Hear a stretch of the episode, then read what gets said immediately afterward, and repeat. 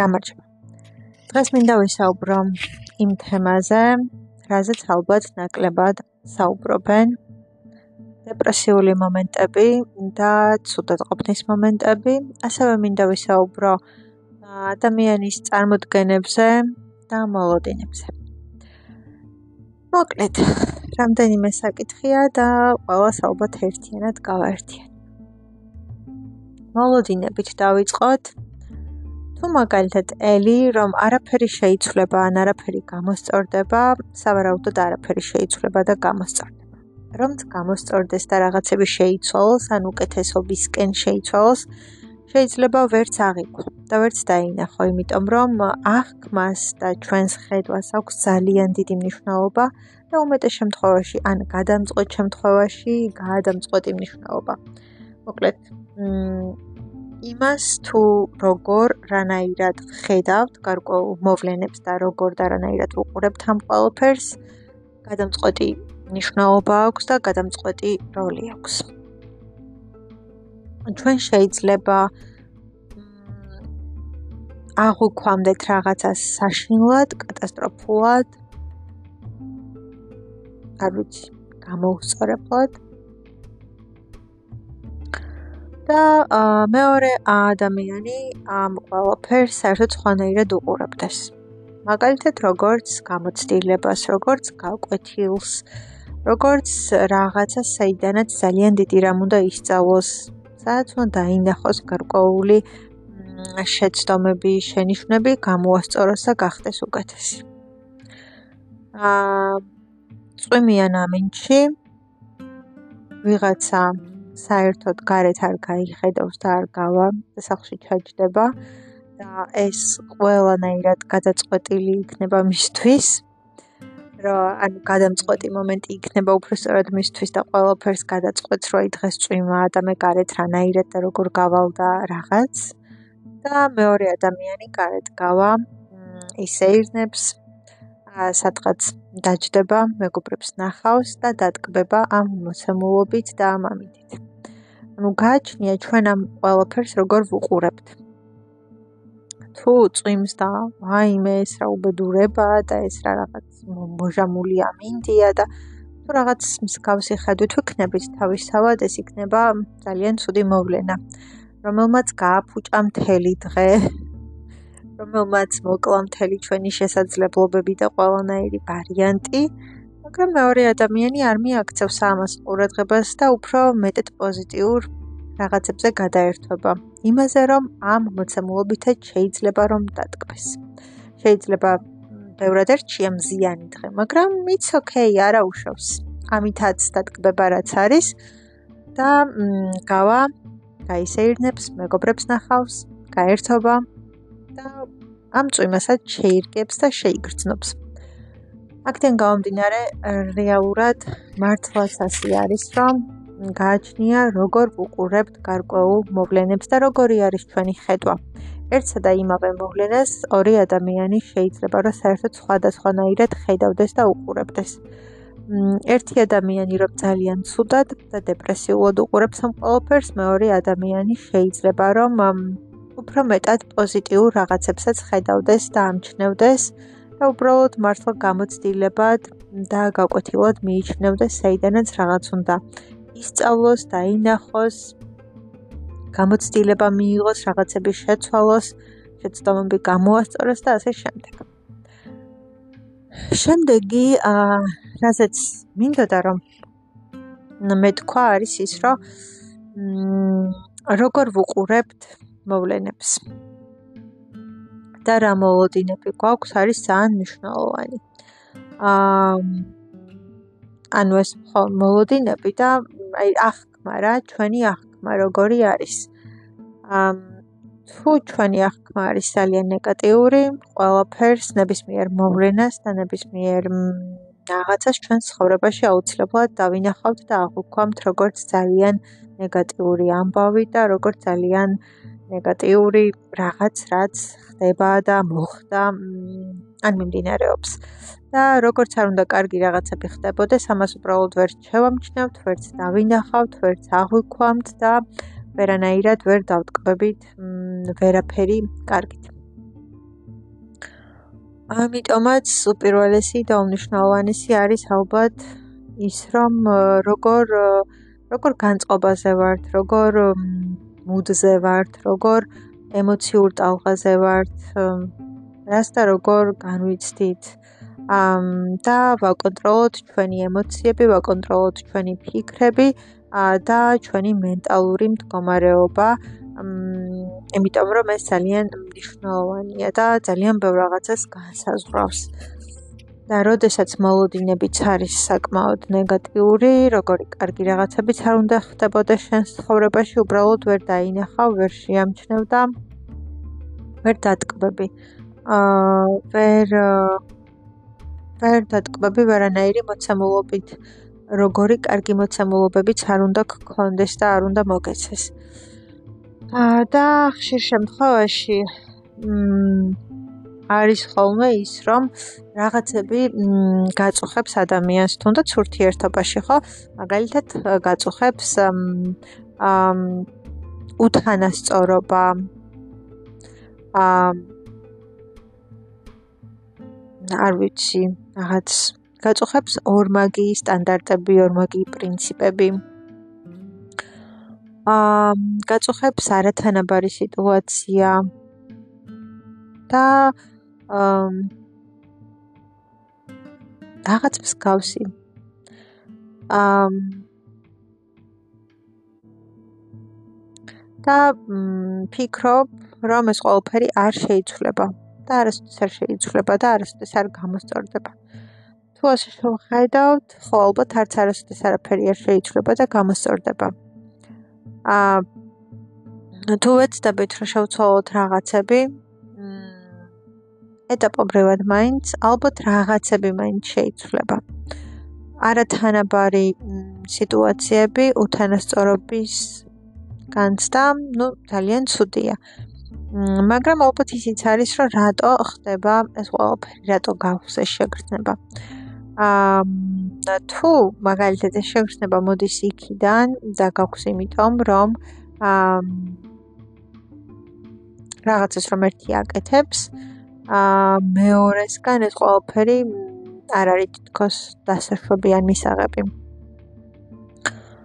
აა ხანდახან ნუ პირადი გამოცდილებიდან ვიტყვი ამას რომ როცა ერთი ადამიანი რაღაც ეტაპს გადის მეორე ადამიანი იმ ეტაპს არ გადის და მეორე ადამიანს შეიძლება თვეები დასჭირდეს, რომ ეს ყველაფერი გაიაროს. შესაბამისად, მისთვის იმ ეტაპზე შეიძლება ბევრი რაღაც იყოს გაუგებარი და უბრალოდ ვერ ხვდებოდეს, ვერ იგებდეს და ბოლომდე ვერ იაზრებდეს.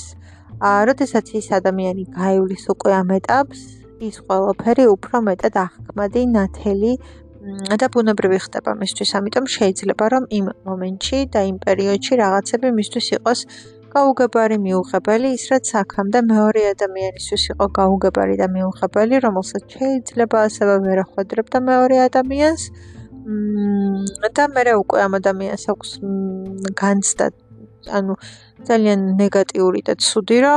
მე თუ ამაზე ვლაპარაკობდი და ვერ ვაგებინებდი, ეხლა თვითონ როცა დაუდგა ეს მომენტი, რანაირად კარგად მიხვდა და ხვდება.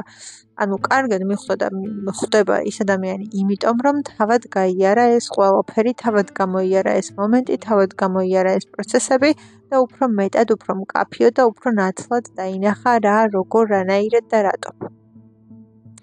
აქედან გამომდინარე, სანამ ადამიანი არ გამოივლის რაღაც მომენტებს, იქამდე შეიძლება რომ იყოს დისკომფორტის განცდა.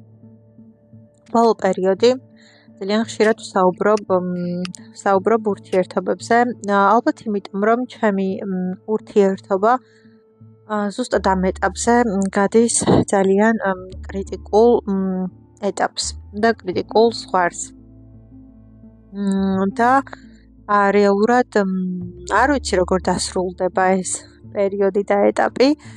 ამ თუმცა ხო, არის ბევრი რაღაც საკითხი ისეთი, რომელიც მთლიანად რევს ურთიერთობებს და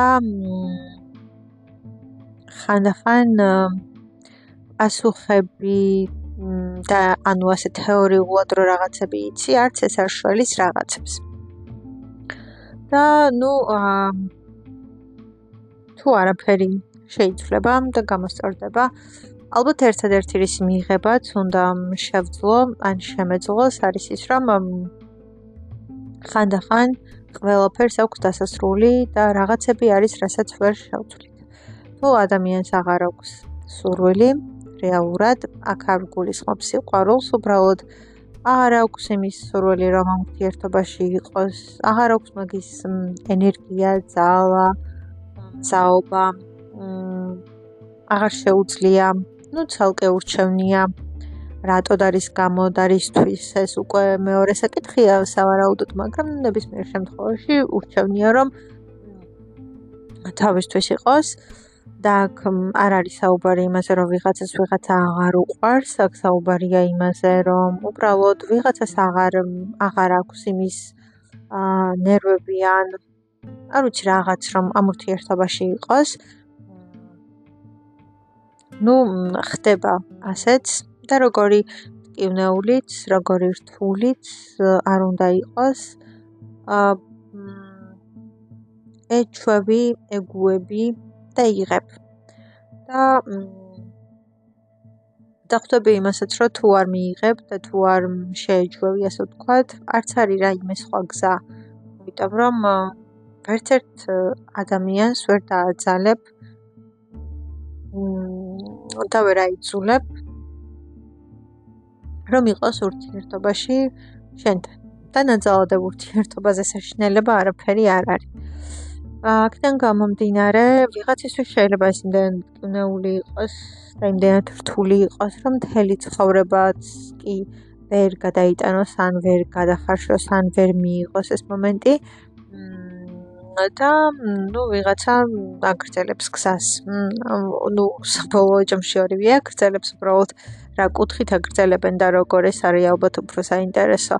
მაგრამ ნუ ხო, ორივე ადამიანი აგრძელებს გზას და აგრძელებს სხვას. აა უბრალოდ ხო არ ვიცი.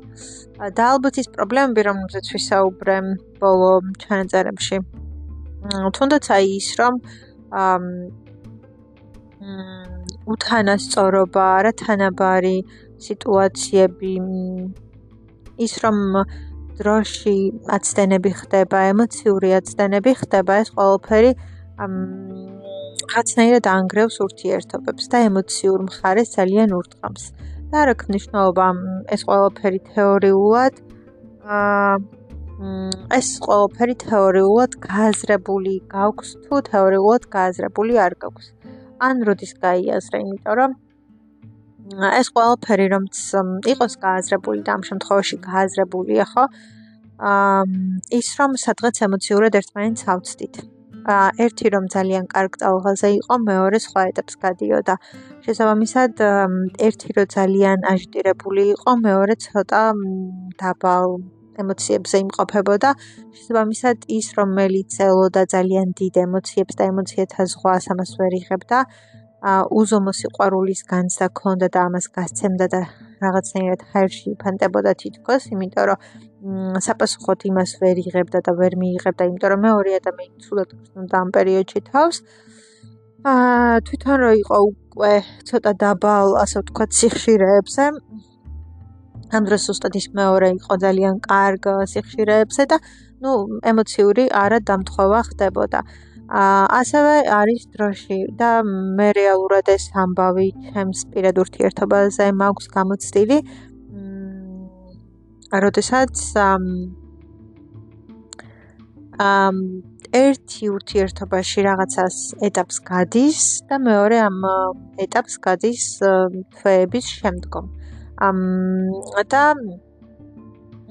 გაღიზიანებას იწვევს უმცირე, რომ მე რო ამაზე გელაპარაკებოდი, რატო არ გესმოდა და განა არ გინდოდა რომ რამე გაგეგო, უბრალოდ ჩვენ ეს რაღაც ეტაპი არ ქონდა გავლილი და როცა რეალურად ჩვენ გაიარე, უფრო მეტად გაიაზრე, მიხვდი და უფრო მეტად აღიქვი ეს ყველაფერი, მაგრამ ნუ დროშიც როცა ერთმანეთს ვერ ემთხვევით და თქვენი ტემპი რო საერთოდ სხვადასხვა არის, ძალიან რევს ურთიერთობას.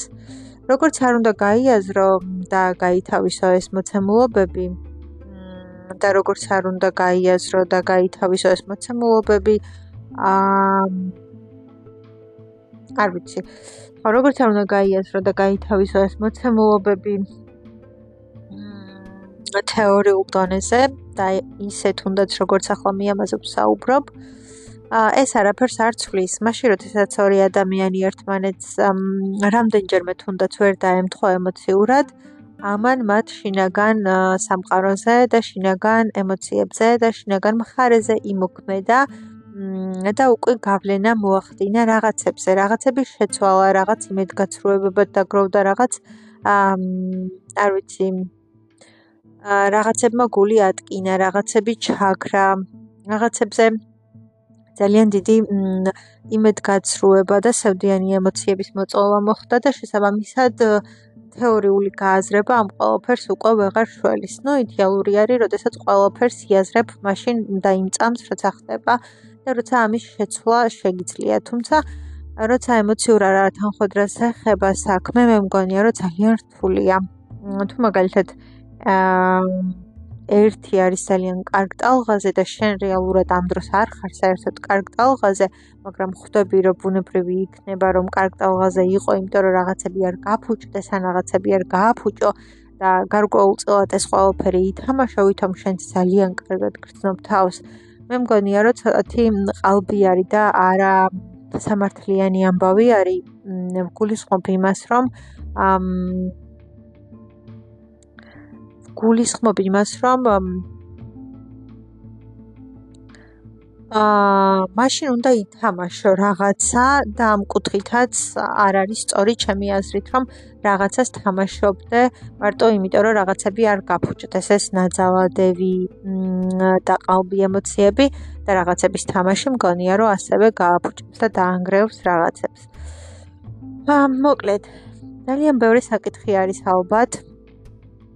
და ძალიან ბევრი მომენტი არის ალბათ. ასე შეიძლება რომ ყურადღება გავამახვილოთ და რასაც ვისაუბროთ. უბრალოდ იმას ხედვას ძალიან დიდი მნიშვნელობა აქვს რანაირად და როგორ ვუყურებთ მოვლენებს და როგორ ხედავთ. ყველაფერს ნეგატიური ჭრილში აღვქვამთ და თუ ჩვენი ხედვა არის უფრო ნეგატიური კუთხისკენ მიმართული და რაღაცნაირად ყველაფერს შავ-თეთრ ფერებში და მუქ ფერებში ხედავთ, ვერანაირად ვერ გვექნება ახმა რაღაც ნათელის, იმიტომ რომ მხოლოდ ამ რაღაც მუქფერებს უყურებთ და საიდან აღვქვამთ ძალიან ნათელ და რაღაცნაირ კარგ-კარგ ფერებს. და ხო, ნუ რა ვიცი. ამას ძალიან ძალიან დიდი მნიშვნელობა აქვს და ის მოლოდინები, რომლებიც გაგვაჩნია თუ ყველაფერს ხედავ ცუდად და ელოდები რაღაცა ნეგატიურს, იქ კარგი ძალიან რთული არის რომ შემოვიდეს და მოხდეს. მმ ჩვენ შინაგან ემოციებს, მოლოდინებს და შინაგან განწყობას და შინაგან მდგომარეობას ძალიან დიდი და გადამწყვეტად მნიშვნელოვანი ადგილი უკავია და ძალიან ძალიან მნიშვნელოვანია. მმ კარგი. შემდეგი ეს წმინდა რომ ვისაუბრო და ალბათ დღევანდელი ჩანაწერის მთელი მთავარი სათქმელი არის ის, რომ დეპრესია და დეპრესიული მომენტები.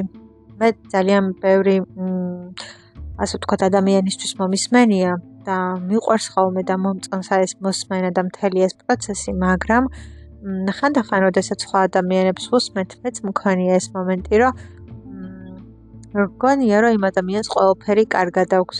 მგონია რომ იმ ადამიანს ყველაფერი დაალაგებულად აქვს. მგონია რომ იმ ადამიანთან ყველაფერი გადასარევად არის და ხდება. არ ვიცი რაღაცები გგონია.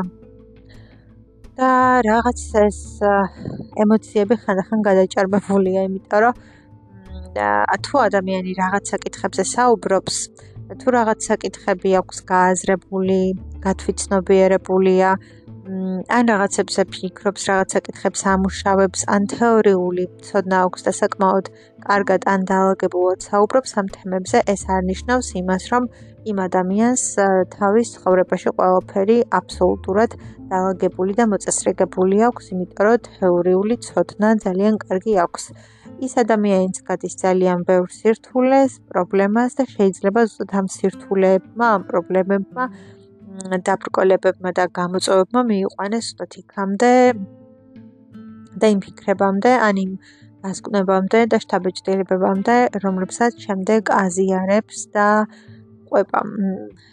მეც მქონია მომენტი, როდესაც მიფიქრია, რომ იმ ადამიანებს, რომლებსაც ვუსმენდი, მე პირადად ან ვუსმენ დღემდე, ყველაფერი ძალიან კარგად და კარგად დაალაგებულად და აწყობილი კონდათ. თუმცა ერთ-ერთი ადამიანი რომელსაც მე ვუსმენდი, საკმაოდ დიდი ხნით დაიკარგა. ალბათ სადღაც 1 წლით, ან მიახლოებით ასე. სავარაუდოდ საკმაოდ რთულ პერიოდს გადიოდა თავის ცხოვრებაში და ამ დაკარგვასაც ქონდა თავისი რთულს ან დაკავებულს ან რაღაცნაირს, რა ვიცი. ამ იმედია რომ ძალიან ცუდს და რთულს არა. Ну, შეიძლება უბრალოდ ძალიან დაკავებული იყო, არ ვიცი, მაგრამ რაღაც ეტაპს გადიოდა აშკარად თავის ცხოვრებაში, რომელმაც ამოაგდო ძალიან ბევრი რაღაციდან. და ხო, ნუ ეს წარმოდგენა, რომ ადამიანები, რომლებსაც ჩვენ ვუსმენთ, ვირჩევთ ხანდახან და ვირჩევთ, რომ ამ ადამიანებს ვუსმინოთ და მათი შეხედულებები ან აზრი გვაინტერესებს, ეს ნამდვილად არნიშნავს იმას, რომ ამ ადამიანებს ყველაფერი კარგად აქვთ ცხოვრებაში ან მოწყობილი აქვთ. და არც იმას არ ნიშნავს, რომ მათ ყველაფერი იციან და ისინი ყოველთვის სწორად იქცევიან და რომ ის ისინი ყოველთვის სწორ არჩევანს აკეთებენ, ან რომ მათ ყველაფერი იციან და მათ ყველაფერი დაალაგებული აქვთ აბსოლუტურად. მ ყველაფერი კარგად აქვთ მოწესრიგებულად აქვთ და ამ რჩევებს ისე იძლევიან. ა თუნდაც ის ბოლო ჩანაწერები, რომლებიც მე პირადად მგონია, რომ საკმაოდ სწორია და მართალია, გავაანალიზე და მივხვდი მაშინ, ანუ ბოლომდე აბსოლუტური აღქმით, როდესაც ჩემი ურთიერთობა ძალიან დიდ აა კრახამდე და მსხრევამდე მივიდა და როდესაც ჩემი ურთიერთობა დაინგრა თითქმის აა და გასამტვერდა მაშინ უფრო მკაფიოდ და ნაცვლად აღვქვი ბევრი საკითხი და ბევრი ის მომენტი, რომელსაც პროცესში იმდენად ვერ ხედავდი. და ის რაც ჩავწერე ან რაც ველაპარაკე გამომდინარეობდა ზუსტად იქიდან რაც გავიაზრე რასაც მივხვდი და რაც ვფიქრე მთელი ამ პროცესის და ამ ყოველფრის მანძილზე და შესაბამისად ხანდახან რაღაცებს ხვდებით, ვიაზრებთ, მაგრამ შეიძლება ეს უკვე დაგვიანებულიც იყოს. შეიძლება ეს ბევრი შეცდომის და რაღაცის შემდეგ იყოს. ანუ ის რომ მაგალითად ვიღაც მოусმენს ჩემს ჩანაწერს და იფიქრებს რომ მე შეიძლება ძალიან კარგად და ჰარმონიულად მქონდეს დაალაგებული ურთიერთობები, იმიტომ რომ თეორიულად ვიცი სად რა როგორ ანაირად უნდა ხდებოდეს. არ ნიშნავს და არ გულისხმობს იმას, რომ პრაქტიკაში ყველაფერი ასე ხდება. და გულწრფელად ვაღიარებ, რომ ეს ჩემი ბოლო ჩანაწერები, რომლებიც მე ძალიან მიყვარს, იმიტომ რომ მგონია რომ სწორია და ძალიან კარგი მიგნებებია, ну მე მგონია ასე რა თქმა უნდა, შეიძლება აბსოლუტურად სტარი იყოს, საერთოდ შორს იყოს რაღაცებისგან, მაგრამ აა ну მე პირადად მომწონს ეს ყველაფერი გავაანალიზე და მივხვდი მას შემდეგ, რაც ჩემი ურთიერთობა რეალურად დაინგრა და მას შემდეგ რაც ჩემო ურთიერთობამ გაინცდა კრახი და როდესაც კიდევ სხვანაირად დავფიქრდი, მივხვდი და გადავაფასე და როდესაც სხვანაირად გავუკეთე ამ ყველაფერს ანალიზი. ამ ამ ხოლოდ ურთიერთობებზე არ მაქვს ხოლმე ეს ჩანაწერები რა თქმა უნდა, მაგრამ ურთიერთობებს, ნებისმიერი სახის ურთიერთობებს ჩემს ჩანაწერებში საკმაოდ დიდი ადგილი და როლი აქვს დათმობი. ძალიან დიდ წილად ურთიერთობებს ვსაუბრობ ხოლმე. არ აქვს მნიშვნელობა ეს რა სახის ურთიერთობა იქნება, უბრალოდ ძალიან ბევრ რაღაცას ვაკვირდები ალბათ ამ კუთხით და ჩემთვის მნიშვნელოვანი არის ჰარმონიული ურთიერთობები ცხოვრებაში. შესაბამისად ამ რაღაცებს ძალიან ვფიქრდები ხოლმე და ვაკვირდები. ხო და სხვა საკითხებიც ალბათ, რომლებიც თეორიულად ვიცი, არ ნიშნავს იმას, რომ არ ნიშნავს იმას, რომ ეს გამოწვევები ჩემთან არ დგას, ან ის, რომ მე ყველაფერი დაალაგებული მაქვს და მოკლედ იმის თქმა მინდა ძალიან ბევრს ვაპარაკობ რეალურად ეხლა მე. მაგრამ რეალურად იმის თქმა მინდა რომ ხანდახან როდესაც ჩანს რომ ადამიანი ძალიან კარგად არის ან კარგად ცხოვრობს ან მას ასე ვთქვათ რა უჭირს და ნეტა მას რა გუშინ ვამბობდი ზუსტად იმას რომ ამ ფრაზებს ვერ ვიტან მეთქი ხო, როდესაც რაღაცები ასე ჩანს და ასე მოჩანს, შორიდან ეს იმას არ ნიშნავს და ეს იმას ნამდვილად არ გულისხმობს, რომ იმ ადამიანს მართლა ყველაფერი ძალიან კარგად აქვს და იმას არ ნიშნავს და გულისხმობს, რომ ამ ადამიანს ყველაფერი დაალაგებული აქვს თავის ცხოვრებაში. და შეიძლება ძალიან დიდ სირთულეებს, ძალიან დიდ სიძნელეებს და ძალიან რთულ პერიოდს გადიოდეს, რომელიც ძალიან მოქმედებდეს მასზე და არც თუ ისე კარგად გრძნობდეს თავს. ეს არ ეხება მხოლოდ პირად ურთიერთობას და პირად საკითხებს. ამ დაგიზიარეთ ის მომენტი, რომ ახლა ჩემი ურთიერთობა საკმაოდ კრიტიკულ კრიტიკულ კრიზისულ და რაღაც დამანგრეველ ფაზას გადის და საბოლოოდ როგორ დასრულდება, არ ვიცი, ან როგორ შეიცვლება ეს მოცემულობა, რომელიც ახლა არის დაშორების და ერთად არ ყოფნის ფაზით.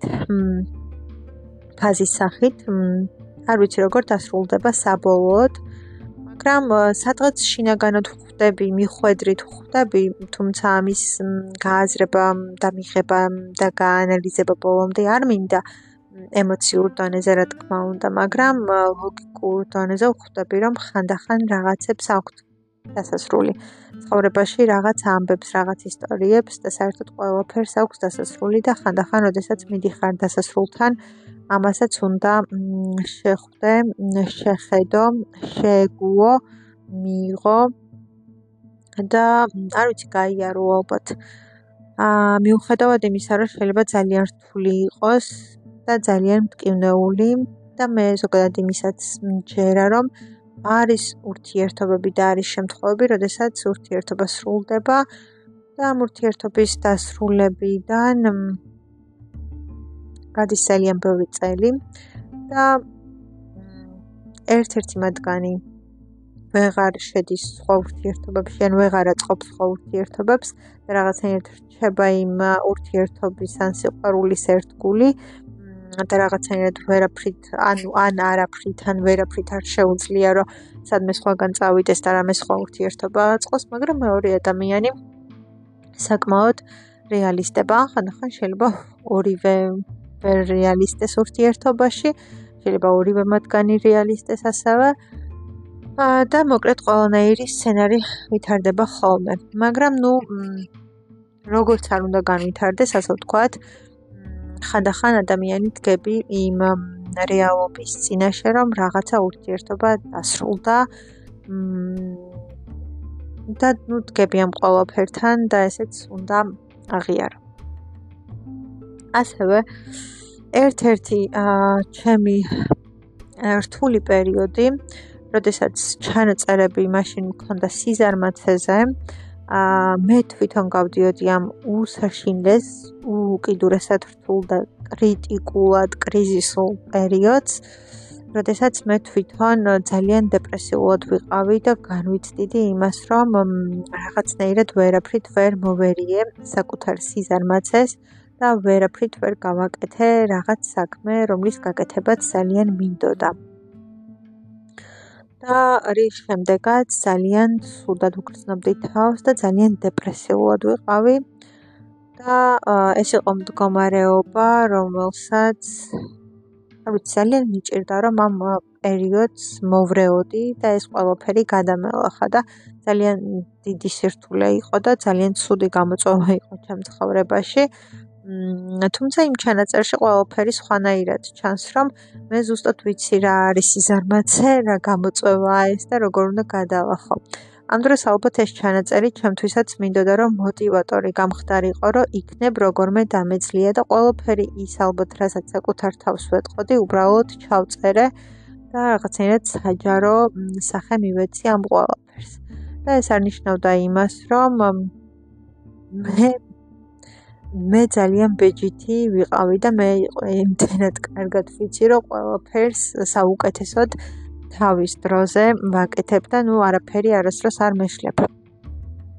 ეს საერთოდ არ ნიშნავდა და გულისხმობდა ამას. პირიქით, მე იმდენად რთულ და მძიმე პერიოდს გავდიოდი მაგ დროს, რომ საშინელს. ასე რომ იმის თქმა მინდა, როდესაც სხვა ადამიანებს უსმენთ განსაკუთრებით ალბათ იმ სახის რაღაცებს, როგორიც მეტნაკლებად არის ჩემი პოდკასტი, თავისი შინაარსობრივი დატვირთვით გულისხმობ და იმ ჩანაწერების შინაარსობრივი სახით და გათვალისწინებით, რაზეც ვაპარაკობ ხოლმე და რაზეც ვწერ. ხანდახან ადამიანს გონია და გიჩნდება განცდა, რომ იმ ადამიანს ყველაფერი კარგად აქვს, ყველაფერი დაალაგებულად აქვს, ყველაფერი იცის. მე ხშირად, ხშირად არა, მაგრამ რაღაც მომენტებში და ყოფილა ის მომენტები, როდესაც მიფიქრია, რომ ალბათ ფსიქოლოგებს ყველაფერი კარგად აქვს ან დაალაგებული აქვს, ან აი ყველაფერი იციან და თითქოს მარტივია მათთვის, მაგრამ შეიძლება ისეთ მძიმე პერიოდებს და სირთულეებს გადიოდეს, რომ საშინელს და მას კიდე სხვა გამოწვევები და საერთოდ სხვა სირთულეები ქონდეს, რასაც ვერც კი წარმოიდგენ და ვერც კი ფიქრებ ან ვერც კი დაუშვებ. აქედან გამომდინარე ძალიან მარტივია ხანდახან რაღაცების ფიქრი, გადაჭრით ფიქრი ან გადაჭრით თქმა. უბრალოდ მინდა და გამეზიარებინა მართლა ის მომენტი, რომ ის მომენტი, რომ აი რაღაცები, რაზეც ალბათ არ საუბრობენ ადამიანები.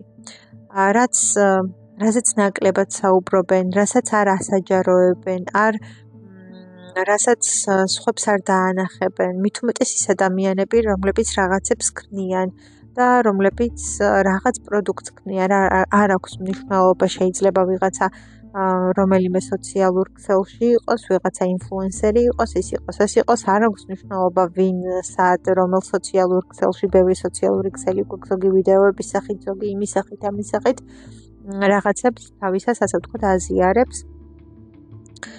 ძალიან ნაკლებად ცდილობენ ხოლმე, რომ ეს გასირთულეები, გამოწვევები და პრობლემური პერიოდები ვიღაცას დაანახონ. ან ამაზე ისაუბრონ, ან ისაუბრონ იმაზე, რომ თვითონაც ძალიან რთულ პერიოდებს გადიან და რომ თვითონაც ძალიან ცუდად არიან. ან იმაზე, რომ დეპრესია აქვთ. და ესეც საკითხებზე, როდესაც მიდის საუბარი, რატომღაც ყოველთვის ყოველფერი ისე ჩანს და ისე იკითხება, რომ თითქოს მათ ყოველფერი იციან, თითქოს მათ ყოველფერი დაალაგებული აქვთ, თითქოს მათ ყოველფერი მოგვარებული აქვთ, იმიტომ რომ მათ ეს ყოველფერი იციან, ისინი ამ ყოველფერზე საუბრობენ. ისინი ამ გამოცდილებას ან ცოდნას აზიარებენ. და შესაბამისად, მათ ეს სიძნელეები, მათ ეს სირთულეები და ეს გამოწვევები თითქოს არ აქვთ. ამ ამ დროს და რეალურად ეს ყველაფერი არის ყუილი. მათ შეიძლება ძალიან დიდი გამოწვევები და სირთულეები ქონდეთ და ამ რაღაცების გაზიარება შეიძლება ზუსტად მაშინ მოხდეს, როდესაც ეს სირთულეები დაძლიეს, გადალახეს და გადაიარეს და თავისი გამოცდილებიდან აზიარებდნენ გარკვეულ ამბებს. ამ ან უბრალოდ გადიან და ამ პროცესში არიან და რა ვიცი, ახაც ნუ თავის რაღაცას აზიარებენ. ა და ეს არნიშნავს, რომ მათ ყველაფერი იციან, ან მათ ყველაფერი მოგვარებული აქვთ და ყველაფერი დაალაგებულად აქვთ და კარგად აქვთ, იმიტომ რომ აი ამ ყველაფერს, რასაც დაალაგებულად ყვებიან და აზიარებენ, ანუ თეორიული ცოდნის სახით, ამ ყველაფერს პრაქტიკაში თვითონ ძალიან კარგად იყენებენ. აა რაღაცნაირად არ ვიცი, რაღაცნაირად ალბათ ალბათ რა ვიცი. ჩემი აზრით ყოველ შემთხვევაში ძალიან გულწრფელი ჩანაწერია. და რეალურად იმის გაზიარება, რომ მე თვითონ ახლა საკმაოდ მძიმე პერიოდს და ძალიან დიდ სირთულეს გავდივარ. აა ურთიერთობების სახით და თვალსაზრისით. და ბოლო ალბათ ძალიან ბევრი ბოლო ჩანაწერი, რომელიც გავაზიარე და რომელზეც ვისაუბრე. ზუსტად იმ გამოცდილებას ეხებოდა, რაც მე თვითონაც მივიღე და რაზეც მე ვიფიქრე, იმიტომ რომ მომიწია. და ის ყველაფერი რაც დავინახე და რაც გავიაზრე ან გავაანალიზე და გავათვითნობიერე, აა რეალურად საკუთარი გამოცდილების ხარჯზეც მოხდა. და არც თუ ისე კარგი და არც თუ ისე პოზიტიური გამოცდილების შემდეგ და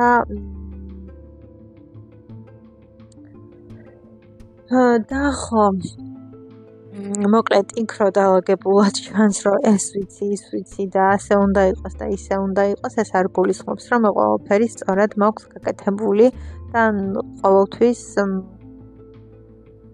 სწორად და ასე ვთქვათ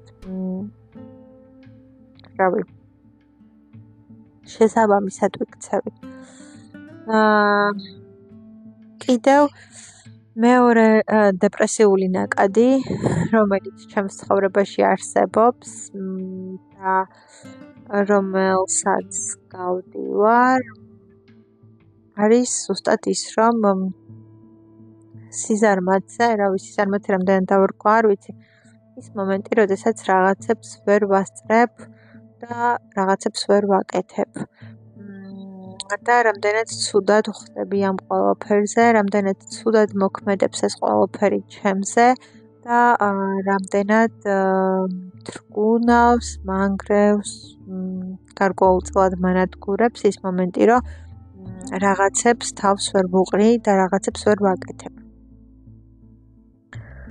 აა თქვა სიზარმაცე ალბათ არ არის ბოლომდე.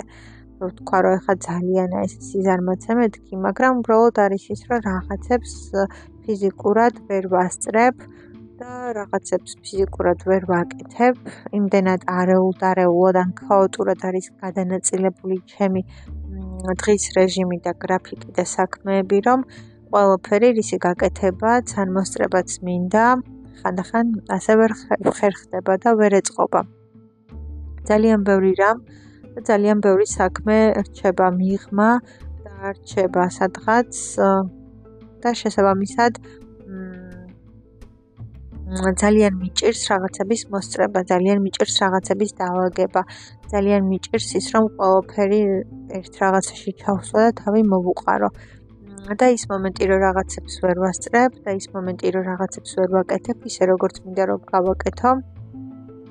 ძალიან ცუდად მოქმედებს ჩემზე და ჩემს ემოციურ მდგომარეობაზე აა ჩემს ფსიქოლოგიურ მდგომარეობაზე და დეპრესიულ ფონზე ძალიან ხშირ შემთხვევაში ვარ საკმაოდ დეპრესიული და ცუდად ვგრძნობ თავს ну შეიძლება ახლა დეპრესიული ცოტა ხმამაღალი ნათქვამი იყოს, მაგრამ ყოველ შემთხვევაში არც თუ ისე კარგად ვგრძნობ თავს. და ბევრი რამ არის, რაც რეალურად არ მომწონს და რისი გამოსწორებაც მინდა. აა ხო, ну ის მომენტი, რომ არ ვიცი, რაღაცები ვერ გავაკეთე, რაც უნდა გამეკეთებინა, ვერ მოვასწარი. აა მიჩენს იმის განცდას, რომ სადღაც რაღაცაში უპასუხისმგებლო ვარ. მიჩენს იმის განცდას, რომ აა რაღაც მოვალეობებს, სავალდებულებებს ბოლომდე ვერ ვართმევ თავს ისე როგორც მინდა რომ ამ ყველაფერს თავი გავართვა. აა მიჩენს იმის განცდას, რომ რაღაცებს ვერ ვუყრი თავს და ვერ ვახერხებ და რაღაცაში, ანუ ვერ ვარ მთლად ისეთი კარგი, როგორიც მინდა რომ ვიყო. რაღაცებს შესაბამისად ჩამოვჩები და რაღაცებს შესაბამისად ვაკლდები, იმიტომ რომ თავისთავად გარკვეული აქტივობებიდან ამოვარდნა და ამოჭრა მიწევს იმის გამო, რომ ყველაფერს ვერ ვაკეთებ და ყველაფერს ვერ ვუყრი თავს. და ძალიან რთული არის ეს მომენტი, ამის მიღება, ამის გააზრება, იმის გააზრება, რომ რაღაცებში უპასუხისმგებლო ვარ, ან ჩან ვარ ასეთი, რომ რაღაცებს ვერ ვაკეთებ, რაც ჩემთვის მნიშვნელოვანია, ან ძვირფასია, ან საყვარელია. აა რომ რაღაცნაირად ბევრ საქმეს შორის მიწევს მიდებ მოდება და რაღაცნაირად თითქოს ორ ცეცხლ შუა ვარ და რაღაცები გვერდზე მრჩება ეს ჩემს ასე ვთქვათ ფსიქოლოგიურ მდგომარეობაზე ძალიან მოქმედებს და ძალიან ცუდად მაგრძნობინებს თავს ძალიან განვიცდი და ძალიან ნერვიულობ იმას, რომ რაღაცებს ვერ ვაკეთებ.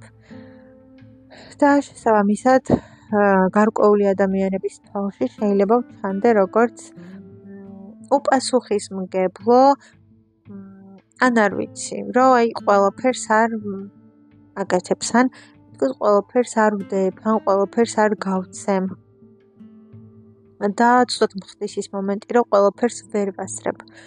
და მგონია ან შინაგანად ჩემი რაღაცა მოითხოვს, რომ ყველაფერს უნდა ვასწრებ და ყველაფერს უნდა ვაკეთებდე და ყველაფრის მოსწრება უნდა შემეძლოს. და რეალურად ეს რო არ შემიძლია, ძალიან ცუდად მაგრძნობინებს მოკლედ თავს.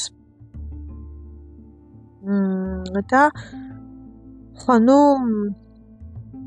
ძალიან ემოციური ამბავი არის ჩემთვის, იმდენად ემოციური, რომ ხანდახან ამ ყოველფერზე რო ვფიქრობ, ან რო ვლაპარაკობ, აა მეტირება კიდეც და იმდენად განვიცდი და იმდენად ნერვიულობ, რომ ძალიან დიდი წილი მიდის ნერვიულობაში და ამ ყოველფერზე დარჩი და ეს ემოცია მე მაცლის მთლიანად კიდე ძალას და ის დროც თუ რამე მაქვს, ხანდახან უბრალოდ არ მაქვს ენერგია და არ მაქვს ძალა, რომ ეს ყოველფერი გავაკეთო, იმიტომ რომ ამაზე ფიქრს და ამაზე ნერვიულობას უკვე იმდენი ენერგია აქვს ჩემგან წაღებული, რომ უბრალოდ არ მაქვს არანაირი რესურსი, ასე რომ ვთქვათ, რომ რეალურად თვითონ ეს საქმე გავაკეთო.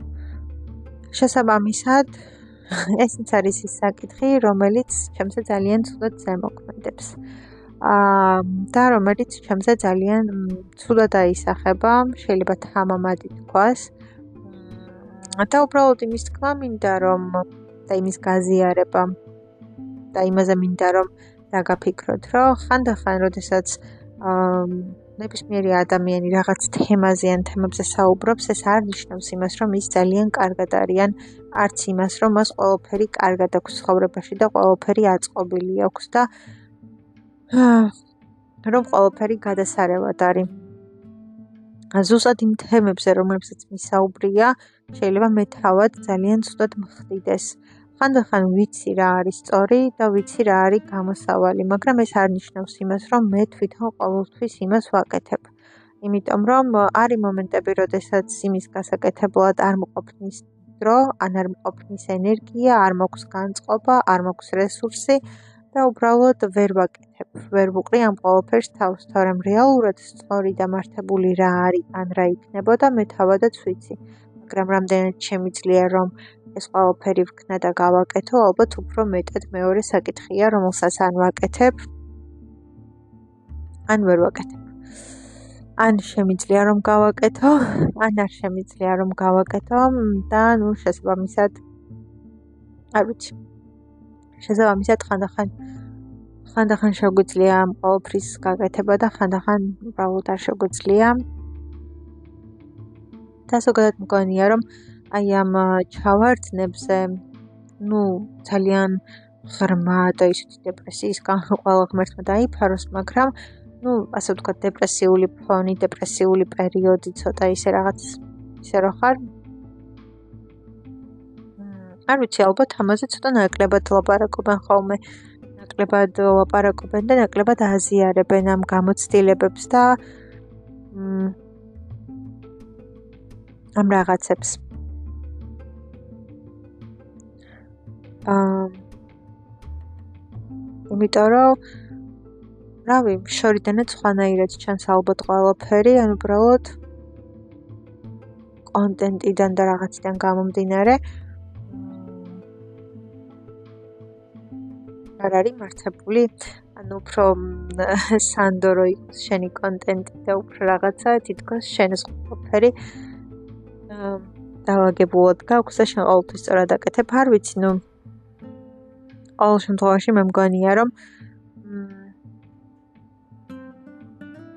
ხანდახან ამ ყოველფრის გაზიარება ნაკლებად ხდება და ხანდახან ნებისმიერ ადამიანს აქვს იმის განცდა რომ ის ადამიანი ძალიან კარგად არის უშფოთველად არის უზრუნველად არის ყოველფერი მოწესრიგებულად აქვს ყოველფერი დაავადებულად აქვს ყოველფერი კარგად აქვს და რომ არანაირი პრობლემა არ ექნება და შვიდი უზრუნველი ლაღი და ძალიან მდორდელი ცხოვრებით ცხოვრობს და რამდენ პრობლემას და რამდენ დაბრკოლებას შეიძლება რომ გადიოდეს ეს ადამიანი ამაზე ნაკლებად აქვს ვინმეს წარმოქმნა და ეს ალბათ არც არავინ არ იცის ამ ბევრმა ადამიანმა არ იცის ჩემი ეს ცოტა დეპრესიული პერიოდები ხოლმე ვლინდება იმით, რომ და ისე, რომ უმეტესად მუდმივად მინდა სახში ყოფნა.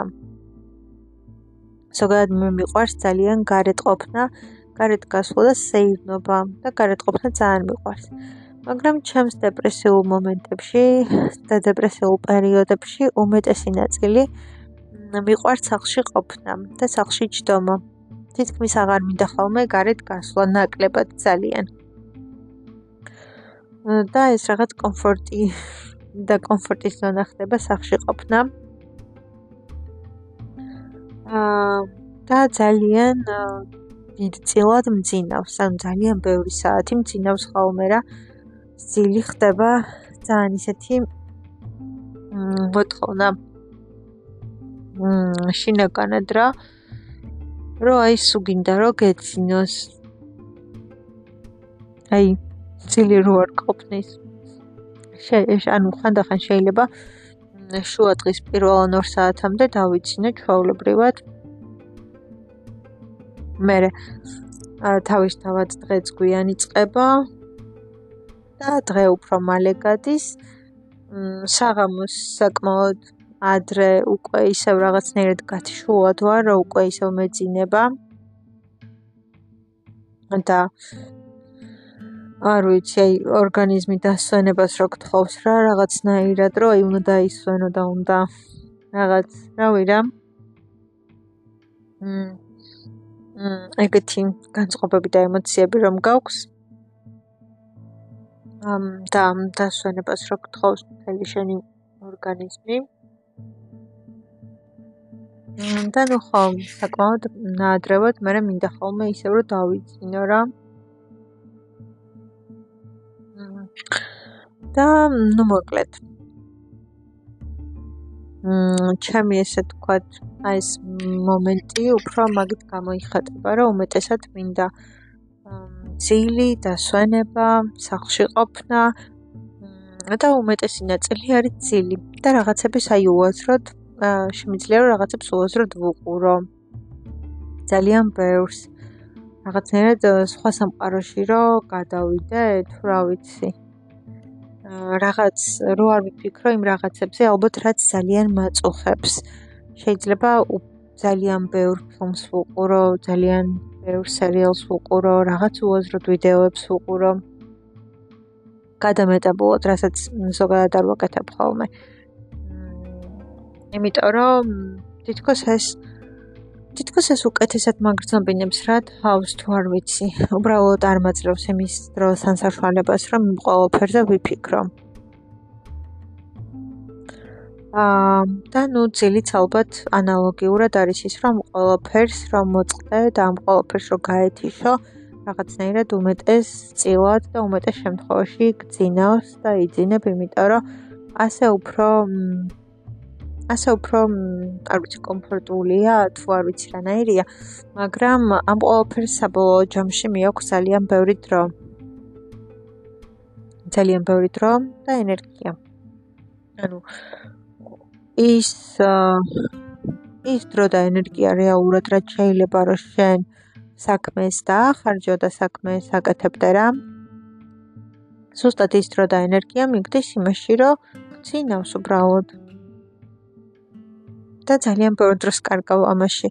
და როდესაც იღვიძებ, უკვე ძალიან ცოტა დრო გრჩება იმისთვის, რომ რეალურად რაღაცები გააკეთო ან მოასწრო. და ძალიან მალე გაგდის ის დრო და მე ისევ ძილის დრო მოდის, ასე ვთქვათ. ხო. და ამ ყოველფრის ეს ნეგატიური მხარე არის ზუსტად ეგ. რომ იმდენად ბევრი დრო გაგდის აი ამ იმაში, რომ ძალიან ცოტა დრო გრჩება. ძალიან ცოტა დრო გრჩება, რომ საქმე გააკეთო. არც ენერგია არ გაქვს, არც ძალა არ გაქვს. ყველაზე მეტად რასაც შეიძლება რომ მაგ დროს უჩიოდე არის ალბათ უენერგიობა და უგანწყობობა. რის გამოც ვერ აკეთებ რეალურად საქმეს და რის გამოც უბრალოდ ძალიან რთული არის რომ რაღაცას თავი მოუყარო, კონცენტრირება გაუკეთო, რაღაცნაირად რეჟიმში იყო.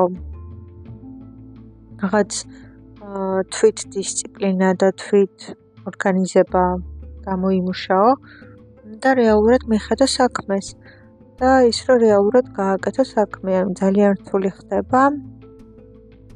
ის რომ აი საკუთარ თავს მოუყარო ერთად თავი რა და რაღაც აიძულ საკუთარი თავი თუნდაც რომ მოდი აბა აი საქმეს მიხედე საქმე გააკეთე ძალიან გაფანტული ხარ და უფრო მეტად გიჭერს კონცენტრირება ენერგიაც ნაკლებად გაქვს ნუ განწყობა ხო არ მოყვება ფიქრები სხვაგან ხარ და მით უმეტეს რომ სხვა ემოციები და სხვა ფიქრები გაქვს ძალიან გიჭერს რომ სხვა საქმეზე გადაერთო და მთელი გულით მონდომებით და მთელი ყურადღებით იმ საქმეზე იფიქრო. და ნუ რაღაცები რასაც აკეთებ და რაც გამონათდება, სასიამოვნოა, იმიტომ რომ ცოტა ხანი მაინც გაძლევს იმის საშუალებას, რომ რაღაცებზე გადაერთო, რაღაც სხვა რაღაცებზე იფიქრო. და სხვა რაღაცებზეც კონცენტრირდე. დროებით მაინც რა, ეხლა დიდი ხანი თუ არა, დროებით მაინც. ხო. და ნუ ძირითადი პრობლემა არის ხო ჩემი აზრით ის რომ ნუ ჩემ შემთხვევაში ალბათ ყველასთან სხვადასხვანაირად ვლინდება მაგრამ ჩემ შემთხვევაში არის ენერგიის ნაკლებობა. საერთოდ არანაირი ძალა ენერგია და განწყობა არ გაქვს რომ რაიმე საქმე გააკეთო რეალურად გული დაუდო და აი მართლა კარგად გააკეთო გულიანად გააკეთო მთელი მონდომებით გააკეთო და აბსოლუტურად აი რა ვიცი ჩადო რა მთელი შენი გული სული და ყველაფერი და აი სრულ ყოფილი რაღაც გააკეთო რა და აი მართლა რომ ეს ამბობს რომ შენ ქენი რა შენი საქმე და გააკეთე ეგრე რომ გააკეთო. ეს მომენტი ძალიან ძალიან რთული არის ხოლმე ჩემი აზრით განსაკუთრებით გართულებული არის და იმაზე ხარ, იმაზე ვფიქრობდი, რომ ანუ ეს მომენტებს არავინ არის რომ სარაზიარებს რა თითქოს, რომ ნეგატიურ მომენტებს. სირთულეების და სიძნელეების მომენტებს. არავინ არ აზიარებს იმას, რომ რაღაცები გაუჭირდა, ანუ ჭირს ან რაღაც სირთულეები აქვს, ну უმეტესად არ აზიარებენ. ყველაზე არ გულისხმობს ზოგიერთი რა თქმა უნდა ამაზე ღიად საუბრობს და ლაპარაკობს, მაგრამ ხშირ შემთხვევაში ხა რატო უნდა დაიწყო ხო ნეგატივზე საუბარი, ამიტომ რაღაც კონკრეტულ საკითხებზე ლაპარაკობენ ხოლმე ხო ძირითადად. და კონკრეტულ საკითხებზე საუბრისას ხდება მაინც სადღაც იმის განსა, რომ იმ ადამიანებმა ყველაფერი იციან. და რადგან ყველაფერი იციან და რადგან ყველაფერზე აქვთ პასუხი, აქედან გამომდინარე მათ არ აქვთ ცირთულეები, აქედან გამომდინარე მათ არ აქვთ პრობლემები. აქედან გამომდინარე მათ ყველაფერი კარგად აქვთ და მათ ყველაფერი დაალაგებულად აქვთ. და ეს უც არ არის ასე. ო მათ ყველაფერი სულტროთ ყოველთვის კარგად აქვთ და დაალაგებულად აქვთ. რა თქმა უნდა, მათაც აქვთ გამოწვევები, პრობლემები, სირთულეები, რომელთა გადალახვაც უწევთ. და რომელიც მათთვისაც ძალიან რთულია. და ბევრი რამ შეიძლება მათი პირადი გამოცდილებიდან და პირადი ემოციებიდანაც კი მოდიოდეს, რომ ხდებოდა შემდეგ ამის გაზიარება. რა და როგორ ზუსტად ამ გამოცდილებებიდან რომ მიიღეს გარკვეული ცოდნა და გარკვეული შთაბეჭდილებები და შემდეგ უკვე შეუძლიათ რომ ამაზე ისაუბრონ და სხვებსაც გაუზიარონ, ან სხვებსაც ასწავლონ რა დაინახეს თვითონ, როგორ დაინახეს, როგორ შეხედეს გარკვეულ მოვლენებს. და ეს ცოდნა მოკლედ სხვებსაც რომ გაუზიარონ და ალბათ ერთ-ერთი მნიშვნელოვანი მომენტი და პროცესი არის, რომელსაც გადის ადამიანი. და ეს ყველაფერი შეიძლება ვიღაცას მართლა დაეხმაროს და ვიღაცისთვის მართლა იყოს მნიშვნელოვანი, რომ არ ვიცი, შეიძლება ეს გაზიარებული თქმა ვიღაცას ძალიან წაადგეს რაღაცაში. რაც თავისთავად ძალიან სასიამოვნო არის და შეიძლება რომ იყოს. მოკლედ, მოკლედ ის რომ თუ გენდომებად თქვენ თქვენი რაიმე გამიზიაროთ, მითხრათ თქვენი შთაბეჭდილებები. აა შეგიძლიათ რომ წეროთ, გამიზიაროთ, უბრალოდ საინტერესო არის ჩემთვის თქვენი ასე ვთქვათ ფიდბექი.